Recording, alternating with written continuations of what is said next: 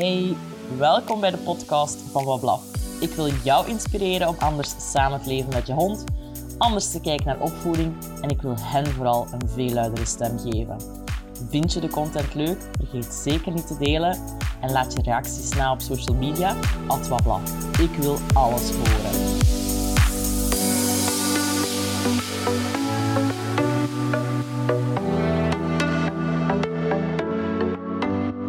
Welkom bij Bewuste Hondenmoeders. Het is uh, Annelies terug, uh, zonder hondenprofessional, naast mij, waar ik in gesprek mee ga. Ik weet het, ik had het beloofd om opnieuw mijn interviews in te plannen, maar het is nu vakantie en ik zit in Nederland. In het mooie Driesen. Nee, niet Driesen, Diesen, sorry. En ik had een postje uh, gemaakt zo net over het feit dat het echt zo voelbaar is op vakantie hoe structuur en rust een impact hebben op de emotionele beleving en het gedrag van jonge kinderen. Specifiek ook mijn kinderen. En dus ook op jonge honden.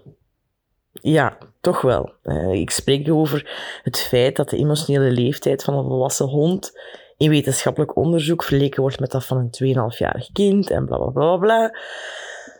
Maar goed, um, de key point is, ik, ik leef dit nu, ik ervaar dit aan de levende leven. Um, ik ben er alleen met mijn twee kindjes. En hoewel mijn honden er niet bij zijn, mijn honden zijn volwassen trouwens, dus het is een heel ander verhaal. Maar, uh, alhoewel. Maar um, hoe meer dat ik ook de dingen terugzie bij hen, wat ik destijds met mijn puberhonden had, wat ik ook heel veel terug zie komen bij andere puberhonden, bij klanten. En ik wil even een voorbeeld geven, of enkele voorbeelden geven wat er gebeurt bij bijvoorbeeld mijn 2,5-jarige als zijn rust en zijn structuur drastisch verstoord worden, zoals hier op vakantie. Ten eerste, jonge kindjes willen dan vaker eten of, of ze gedragen zich zo'n beetje hangry, weet je, zo minder Um, dat ze minder rust hebben, dat betekent ook dat ze meer energieverbruik hebben, dat ze ook meer diepjes hebben en dat er dus ook veel meer frustratie zichtbaar wordt in hun gedrag. Ten tweede zijn er ook zo die energieuitbarstingen. Ik noem dat de zoomies. Bij honden is dat hè, ook zo wel een dingetje. Of ik noem het ook vaak het zotte uurtje. En een beetje raar en gek doen en energetisch doen tussen vijf en zeven uur, dat is allemaal heel normaal. Maar op een bepaald punt wordt begrenzing gewoon niet meer mogelijk. dat je als moeder zo voelt van, ik, probeer hier te begrenzen en ik moet telkens harder gaan en harder en harder. En uiteindelijk krijg je dan een woede-uitbarsting terug, of een tantrum, lijkt dat ze dat zeggen. Uh, Blijdconcerten à volonté, hou het dan maar vol, hè, ouders nog zoiets moeite hebben met zelf nog rust te vinden. Ik bedoel het kind, hè, dat het kindje moeilijk moeite heeft met zichzelf tot rust te brengen. Maar ook dat het, het gaan slapen veel moeilijker wordt. Het inslapen wordt veel moeilijker, omdat ja, de adrenaline, oh, het woord, echt waar, adrenaline hoog staat. Het stresshormoon kan ook heel hoog staan. Waardoor dat, dat lichaam gewoon veel meer moeite heeft om ook effectief in slaap te geraken. En ik weet, ze hebben ons nodig om tot rust te komen, maar terzelfde tijd voegen we eigenlijk nog spanning toe aan de situatie door ja, de controle te willen nemen. En dat is kei conflicterend eigenlijk. Een derde, nee, een vierde ding. Heel geprikkeld lopen en er mag niks fout gaan. Of de boel ontploft. Hij mag zijn jas niet zelf aandoen. Hij heeft zijn koekje niet gekregen. Allee, zo, van het minste gaat dat van 0 naar 100. Hey, en spiegel dan een keer op je puberhond. Wat gebeurt er als jij probeert dingen te begrenzen, gedrag probeert te begrenzen op zo'n momenten? Juist. Hij gaat eigenlijk nog harder aan, op zijn mooi Hollands gezegd. En ja, dat, is, dat zijn allemaal zaken die, of allemaal voorbeelden, wat ik als moeder ervaar bij mijn jonge kinderen, die kunnen gebeuren en die vooral zichtbaar worden wanneer dat hun rust niet gerespecteerd wordt of niet voldoende is, want zij bepalen uiteindelijk hoeveel rust ze nodig hebben in combinatie met waar wij voelen dat ze het nog extra nodig hebben. Dus soms zitten daar ook luikjes in van verplichte rust. Niet dat ik hem ga vastbinden aan zijn bed, maar je weet wel wat ik wil zeggen. En dan heb je ook nog dat luikje structuur, waar er thuis toch een duidelijk ritme is vaak. En je probeert dat ritme op vakantie ook wel over te nemen, maar toch is dat anders. Hè. Je gaat naar veel intensere plekken. Je gaat op bezoek naar, in mijn geval was het de Beekse Bergen. Dus ja, heel veel indrukken, heel veel mensen, diertjes zien.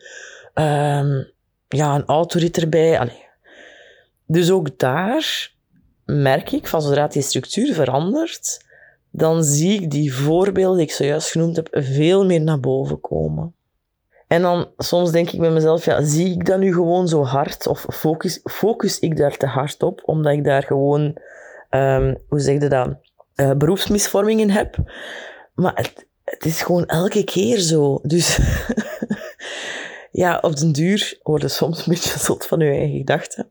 Maar goed, wat zijn de gevolgen van dat gedrag door die veranderende structuur, maar ook door dat verstoord rustpatroon? Dat is dat wij hun gedrag veel meer en veel harder gaan begrenzen.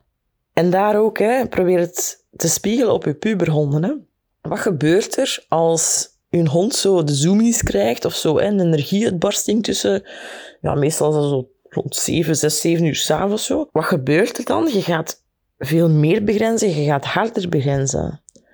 We moeten ook veel meer gaan managen. Want bijvoorbeeld hier, hier hangt er geen deksel op de wc-bril. I mean, met twee peuters, hoe in godsnaam, kom erop, een huis zonder deksel op de wc-bril. Er is ook geen verwarming in de badkamer, dus als drama, als, ik die zou willen wassen, ik heb mijn kinderen dus twee dagen niet gewassen al, de stopcontacten hangen hier allemaal laag bij de grond, zonder bescherming. Er staan hier overal tirlantijntjes, waar dan mijn kinderen maar al te graag gaan prutsen. Er is ook geen deftige omheining, dus die zijn zo weg als ik niet kijk. Allee, als er een poes zou passeren, dan zal ze weg zijn. Ook heel goed te vertalen naar hoe het met onze honden zou zijn. Maar ook daar, je probeert dat op voorhand te voorzien. Ah ja, oké, de tuin is omheind. En dan kom je daartoe en dan denkt je, nee, nee, dit, is niet handig.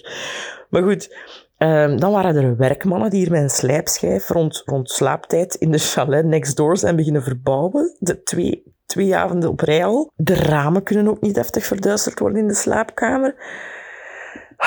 Het is ja, allemaal zaken waar dat je eigenlijk. En ik hoor daar een dochter op de achtergrond.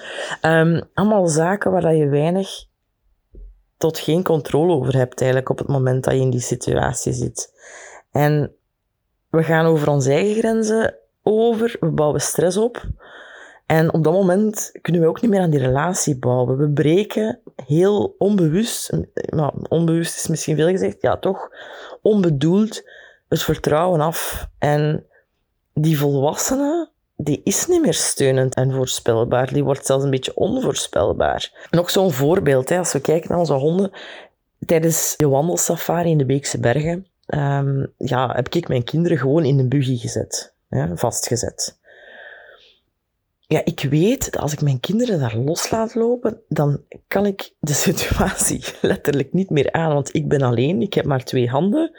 Dus hoe in godsnaam ik dan twee peuters, die elk eigen richting gaan kiezen, met afgronden en niet afgezette dierenverblijven. Allee, ik bedoel, dat is gewoon levensgevaarlijk. Dus ik ga hen daarin heel hard begrenzen, tot als wij daar op een stuk komen waar het veilig is. Letterlijk veilig, niet alleen voor hen, maar ook voor mij, om um, hen te laten kiezen met wat ze willen spelen. Even spiegelen, ja, ik, ik lijn mijn honden ook aan op plekken waar het niet helemaal veilig is. En zeker in de puberteit, waarin ze, ja, uh, we hebben het al eens gezegd, bananen in hun oren hebben, oren op hun gat hebben, noem het zoals dat je wilt maar waar zij gewoon veel meer geprikkeld worden door de omgeving, waardoor zij veel minder beschikbaar zijn voor onze commando's, letterlijk. Ja, dan is de lijn, de veiligheidsmaatregel, um, en dat kan een hele lange lijn zijn, zodat zij nog altijd kunnen verkennen. Jammer genoeg is dat minder populair bij jonge kinderen. Hij moet ze dus vastzetten in een buggy, maar wat. Dan ben ik super content als ik in een speeltuin zie, goed omheind, met maar één uitweg, een zachte ondergrond. Ja, zalig. Dus de boodschap is eigenlijk, zelfs in een veranderende omgeving is rust en een bepaalde structuur essentieel. Om gemoedelijk met elkaar te kunnen omgaan, maar ook het jonge kind of, of de jonge hond heeft er niks aan dat je harder moet optreden, want het is niet hun schuld dat er te weinig rust en structuur was in the first place. Dus stop met te verwachten dat ze zich daar maar moeten aan aanpassen. Hun brein kan dat gewoon nog niet. Kortstondig kun je heel veel overbruggen door kalm te proberen blijven. Hè. En als ouder is dat een kunst, maar als dat dag in, dag uit zo is, dan breekt u dat op. Sowieso. En dat komt echt geen enkele partij te goede. Dus ja, een andere structuur, wat minder rust, dat kan. Maar in deze levensfase van een kind of van een hond, kijk je daar beter maar heel bewust naar. Ja, voilà. Dat was mijn Hollandse inspiratie. Um, Oké, okay, En ik besef nu ook hoe hard dat mijn cafeïneverslaving is, want um, als ik aan het praten was over het kalm blijven, dan merk ik ook, hier is geen koffie in dat chaletje. Allee, hier was wel koffie. Uh, ik had de koffie gevonden, dus dat was al top. En dan wil ik het doosje van de filters pakken, want het was zo'n oldschool koffiemachine. En de filters waren op. En de moed zonk echt in mijn schoenen. Geen koffie is geen goed humeur. En ik moet echt dringend iets doen aan mijn eigen dopamine-levels en rituelen, want dat is eigenlijk niet oké. Maar goed, het is avond, de kinderen slapen. Eentje in mijn bed, eentje in het park. Ook daar parken, begrenzend werken. Ze kunnen niet morgens overal naartoe kruipen, vallen, hun hoofd openbreken, zwart. Ik ga er gewoon bij kruipen. En um, ja, tot een volgende aflevering alweer. Bedankt om te luisteren.